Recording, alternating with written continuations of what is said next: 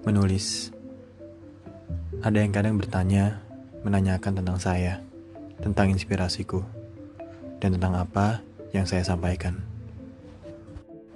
Namun, aku sendiri yang hadir tak tahu apa yang mau kutuliskan. Terkadang, bukan. Berpikirlah aku begitu kosong dari sesuatu hingga aku punya bahan untuk menulis. Hanya satu hal yang rutin kulakukan dan aku tak perlu bersusah payah tentangnya, yaitu jawab namamu di dalam hatiku.